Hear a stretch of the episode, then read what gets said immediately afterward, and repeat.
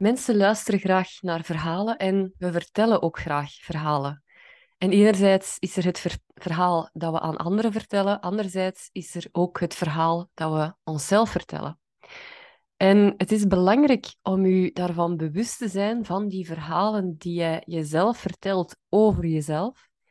Zeker als ondernemer kan het ook belangrijk zijn om te beseffen, ja, welke overtuigingen zitten er nu in mijn hoofd of welk verhaal vertel ik mijzelf en dat mij ook tegenhoudt in mijn groei als ondernemer. Voor mij is dat bijvoorbeeld het verhaal dat ik mezelf lang verteld heb en dat is, ik ben niet sociaal. En ik gebruikte dat eigenlijk ook als excuus om niet te netwerken, bijvoorbeeld. Want ik dacht, ah nee, ik ben niet sociaal, ik ben heel introvert. Ik heb daar niks aan om ergens in de zaal met mensen binnen te komen en daar small talk te moeten gaan, uh, gaan, gaan doen. Nee, ik ga dat gewoon niet doen.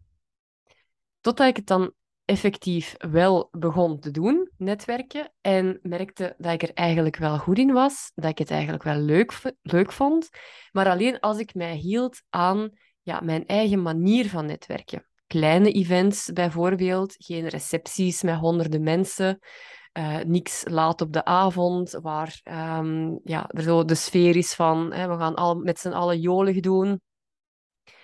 Dus bij mij was het eigenlijk niet het probleem dat ik niet sociaal zou zijn, maar mijn probleem was dat ik er tegenop zag om te netwerken en dat ik er dus nog niet over had nagedacht hoe dat ik dat netwerken voor mij kon laten werken.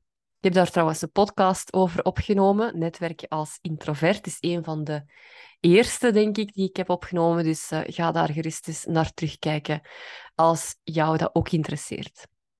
Dus dat was mijn voorbeeld vandaag. Um, en dat voorbeeld dat kwam naar boven nog eens toen ik vanmorgen zelf die vraag gesteld kreeg door mijn eigen businesscoach. En uh, toen dacht ik daaraan terug van, ah ja, dat is eigenlijk wel iets dat ik mezelf lang heb voorgehouden.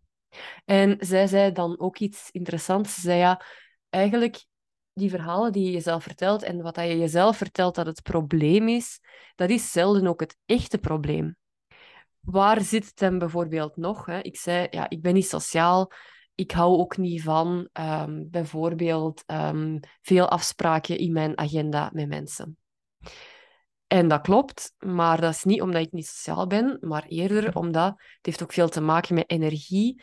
Gesprekken met mensen, um, dat vraagt wel heel veel energie van mij vind dat wel heel leuk om te doen, maar op zo'n dag kan ik niet nog veel andere dingen doen. Dan ga ik bijvoorbeeld niet nog iets heel creatief doen of heel um, ja, werk dat intellectueel veel vraagt. Nee, dat doe ik dan op dagen dat er geen afspraken in mijn agenda staan. Dus opnieuw, dat is geen probleem van niet sociaal zijn, maar dat is dan eerder de vraag, ja, hoe plan ik mijn dagen zodanig in en hoe organiseer ik mijn, mijn agenda, mijn tijd, zodat ik optimaal gebruik kan maken van de energie die ik heb. Dus opnieuw, dat vraagt dan wat werk. Hè. Iets plannen, iets structureren, dat vraagt een beetje werk. En dat kun je dan opzij gaan zetten door dat verhaal van, ja, maar ik ben niet sociaal, dus ik ga mijn agenda niet volzetten met gesprekken. Nee, ik kan wel heel veel gesprekken doen, maar als ik dat op de juiste manier inplan, bijvoorbeeld. En dan in de namiddag had ik een, uh, een coachinggesprek met uh, iemand. En toen kwam de um, overtuiging of het verhaal dat zij zichzelf vertelde van... Um, ja, kijk, ik ben, um, ik ben coach en ik ben heel uh, into bijvoorbeeld het spirituele, maar daar zit niemand op te wachten. Of dat gaat mensen afstoten als ik daar vooruit kom dat dat spirituele uh, heel belangrijk is voor mij. En dat is dan ook weer opnieuw een, een verhaal. Hè? Waarom vult je dat al in voor andere mensen? Um, wat zit daar nog achter? Hè? Is dat... En dan kwam boven dat daar ook een bepaald perfectionisme achter zit.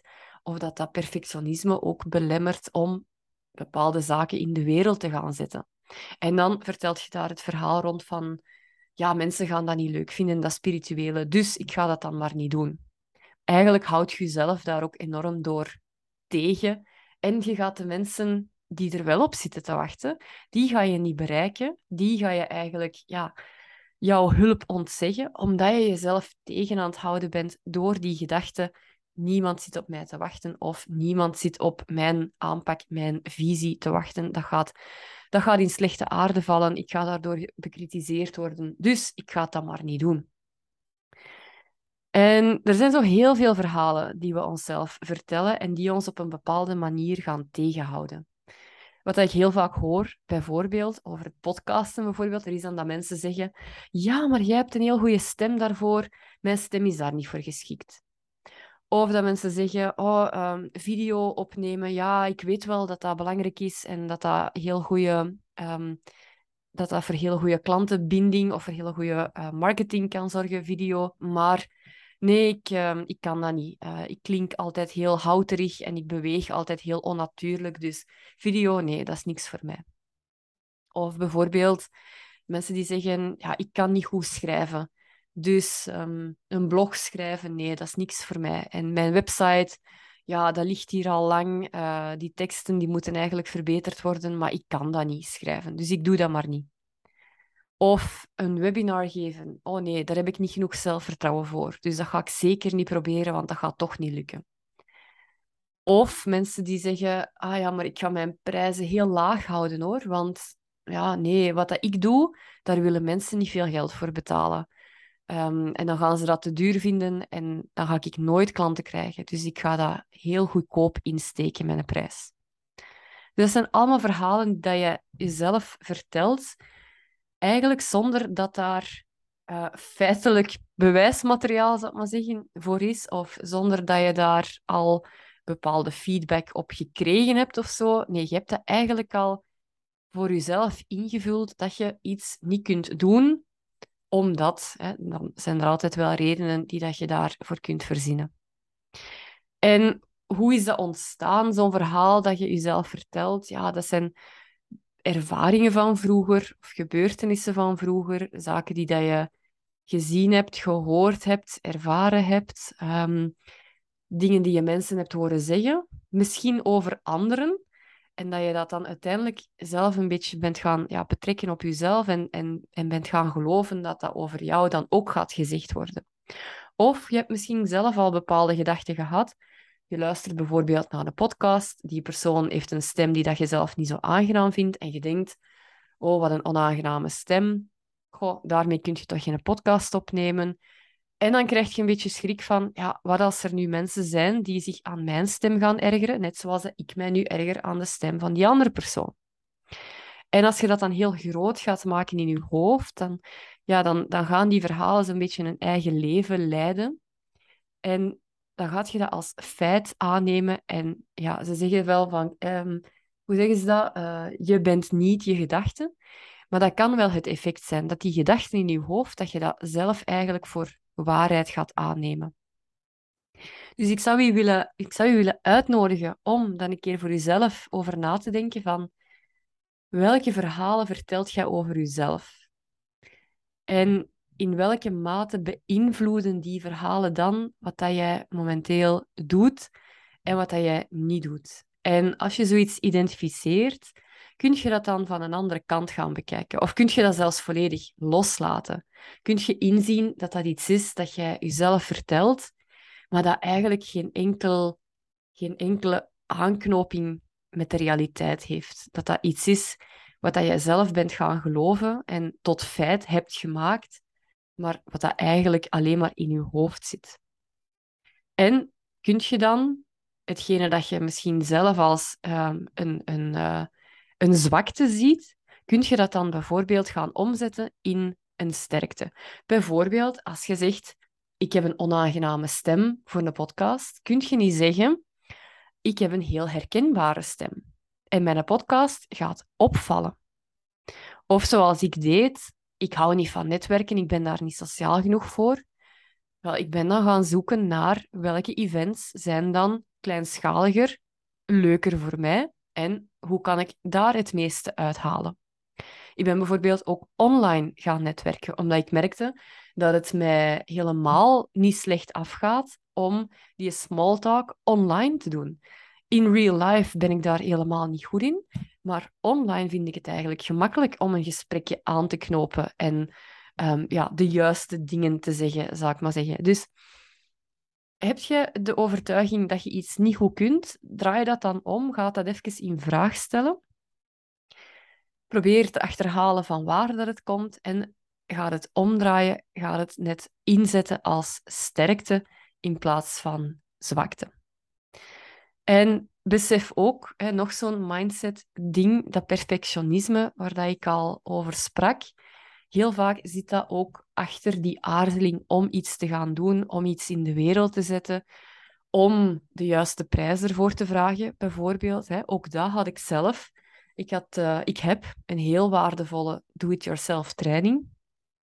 Ik geef die via e-mail. Die staat niet in mijn online leeromgeving. En ik dacht, dat gaan mensen niet leuk vinden. Dan gaan ze er minder voor willen betalen, omdat dat per e-mail komt. En nu toevallig sprak ik met iemand en die zei: hou die online leeromgeving, leeromgevingen en dan moet je daar elke keer weer je paswoord voor boven halen. En dan blijkt dat je weer uitgelogd bent en je weet dat paswoord niet meer. Dan moet je met e-mails en dat duurt dan weer. Ha, en dan laat ik het al maar zo. En die zei, ik vind dat net super tof dat een training per mail komt. Ik hoef gewoon s'morgens mijn mail te openen. Ik zie daar de mail van u. Ik klik op de twee of drie links die dat daarin zitten. En ik ben direct vertrokken. Ik vind dat zo'n zaligheid. Ik vind dat zo simpel en eenvoudig. En daarom hou ik dat ook vol om die training elke keer weer te volgen, want ik kijk uit naar die e-mails. Dat is zo gemakkelijk. Als ik altijd moet aanloggen in een online leeromgeving, dan stop ik meestal halverwege die training. En ik dacht, ah ja, dat is ook een manier van het te bekijken. Um, ik had ingevuld voor mensen dat ze het minder waardevol zouden vinden um, als de training komt per e-mail. Maar ik krijg nu als feedback dat ze het net eenvoudiger en waardevoller vinden en dat ze het makkelijker volhouden, dat ze er makkelijker um, het enthousiasme voor bewaren, net omdat het per e-mail komt. Zo wil ik maar zeggen dat het verhaal dat je jezelf vertelt, toets dat ook een keer af met anderen dan. Als je zo bepaalde overtuigingen hebt, want je kunt daar echt nog voor verrassingen komen te staan. En dan tot slot wil ik daar nog aan toevoegen een manier om bijvoorbeeld uh, in te gaan tegen die verhalen die dat je jezelf vertelt en die vaak negatief zijn. Dat is om daar positieve affirmaties tegenover te zetten. Want in onze hersenen, ja, wij maken eigenlijk dat onderscheid niet tussen iets wat iemand anders zegt of iets wat we zelf zeggen. Hè. Dus als we vaak genoeg iets negatiefs zeggen tegen onszelf, dan gaan we dat geloven. Maar omgekeerd werkt dat ook. Als we maar vaak genoeg iets positiefs tegen onszelf zeggen, dan gaan we dat ook geloven. En dan gaan we dat ehm, eigenlijk ja, uh, integreren in onze manier van zijn, in onze gedachten zodat dat op den duur ook deel van onze waarheid begint te vormen. Voorbeelden van affirmaties, en dat is heel persoonlijk, hè. denk daarover na van ja, wat heb jij momenteel nodig? Welke affirmatie kan u helpen? Een paar voorbeelden. Um, als je bijvoorbeeld um, iemand bent die erg aan zichzelf twijfelt, twijfelt of dat je wel genoeg uh, bent, wel genoeg kent, wel genoeg weet, om voor je klanten iets te betekenen. Als je zo iemand bent die denkt van, oh, maar ik moet nog een opleiding extra gaan volgen en ik ga toch nog een cursus volgen en dan pas ga ik mijn klanten kunnen, uh, kunnen helpen. Dan kan de affirmatie bijvoorbeeld zijn, ik heb kennis en skills die heel erg waardevol zijn voor mijn klanten en dankzij die kennis en die skills kan ik hen heel goed helpen.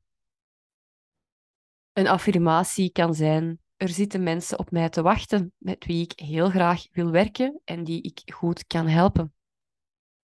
Een affirmatie kan zijn: ik ken en weet genoeg om klanten te kunnen verder helpen. Of bijvoorbeeld: ik verdien zonder problemen 10.000 euro per maand. Kan u ook helpen. Dat zijn allemaal positieve zaken die dat je jezelf gaat vertellen, voorhouden en die als een soort van tegengif kunnen werken tegen al die negatieve gedachten die je in jouw hoofd laat rondspoken. Voilà, deze podcast ging een keer niet over strategie, maar meer over mindset. Ik weet, ik ben zelf iemand die altijd heel erg door die strategie wordt aangetrokken. En dat is ook waar ik mijn klanten voornamelijk mee help. Dat is hen helpen de juiste strategische keuzes te maken voor hun bedrijf Maar ik geloof ook, strategie zonder een goede mindset, daar ben je ook niks mee. Hè. Wat ben je eraan uh, te weten uh, welke strategie je gaat helpen naar 10.000 euro omzet per maand bijvoorbeeld. Maar als je het zelfvertrouwen mist om je aanbod ook um, ja, met zelfvertrouwen aan de man te gaan brengen, dan ga je daar nooit geraken. Dan mocht je nog zo'n goede strategie hebben, dan mis je eenvoudigweg ja, het zelfvertrouwen en de mindset om het ook waar te maken. Dus mindset is toch wel iets waar ik het af en toe ook heel graag over heb.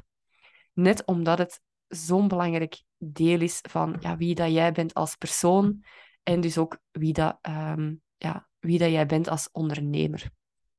Voilà. Dat was de podcast van vandaag. Ik ben heel benieuwd. Heb jij dergelijke belemmerende overtuigingen? Stuur me dan eens een berichtje op Instagram. Uh, dan uh, hoor ik daar heel graag wat meer over. Ik ben altijd benieuwd, zo, de verhalen die mensen zichzelf vertellen. En, uh, ja, en wat dat daar dan eigenlijk achter zit. Dus um, aarzel niet om mij een berichtje te sturen. Dat vind ik altijd leuk. Dankjewel voor het luisteren en tot de volgende aflevering.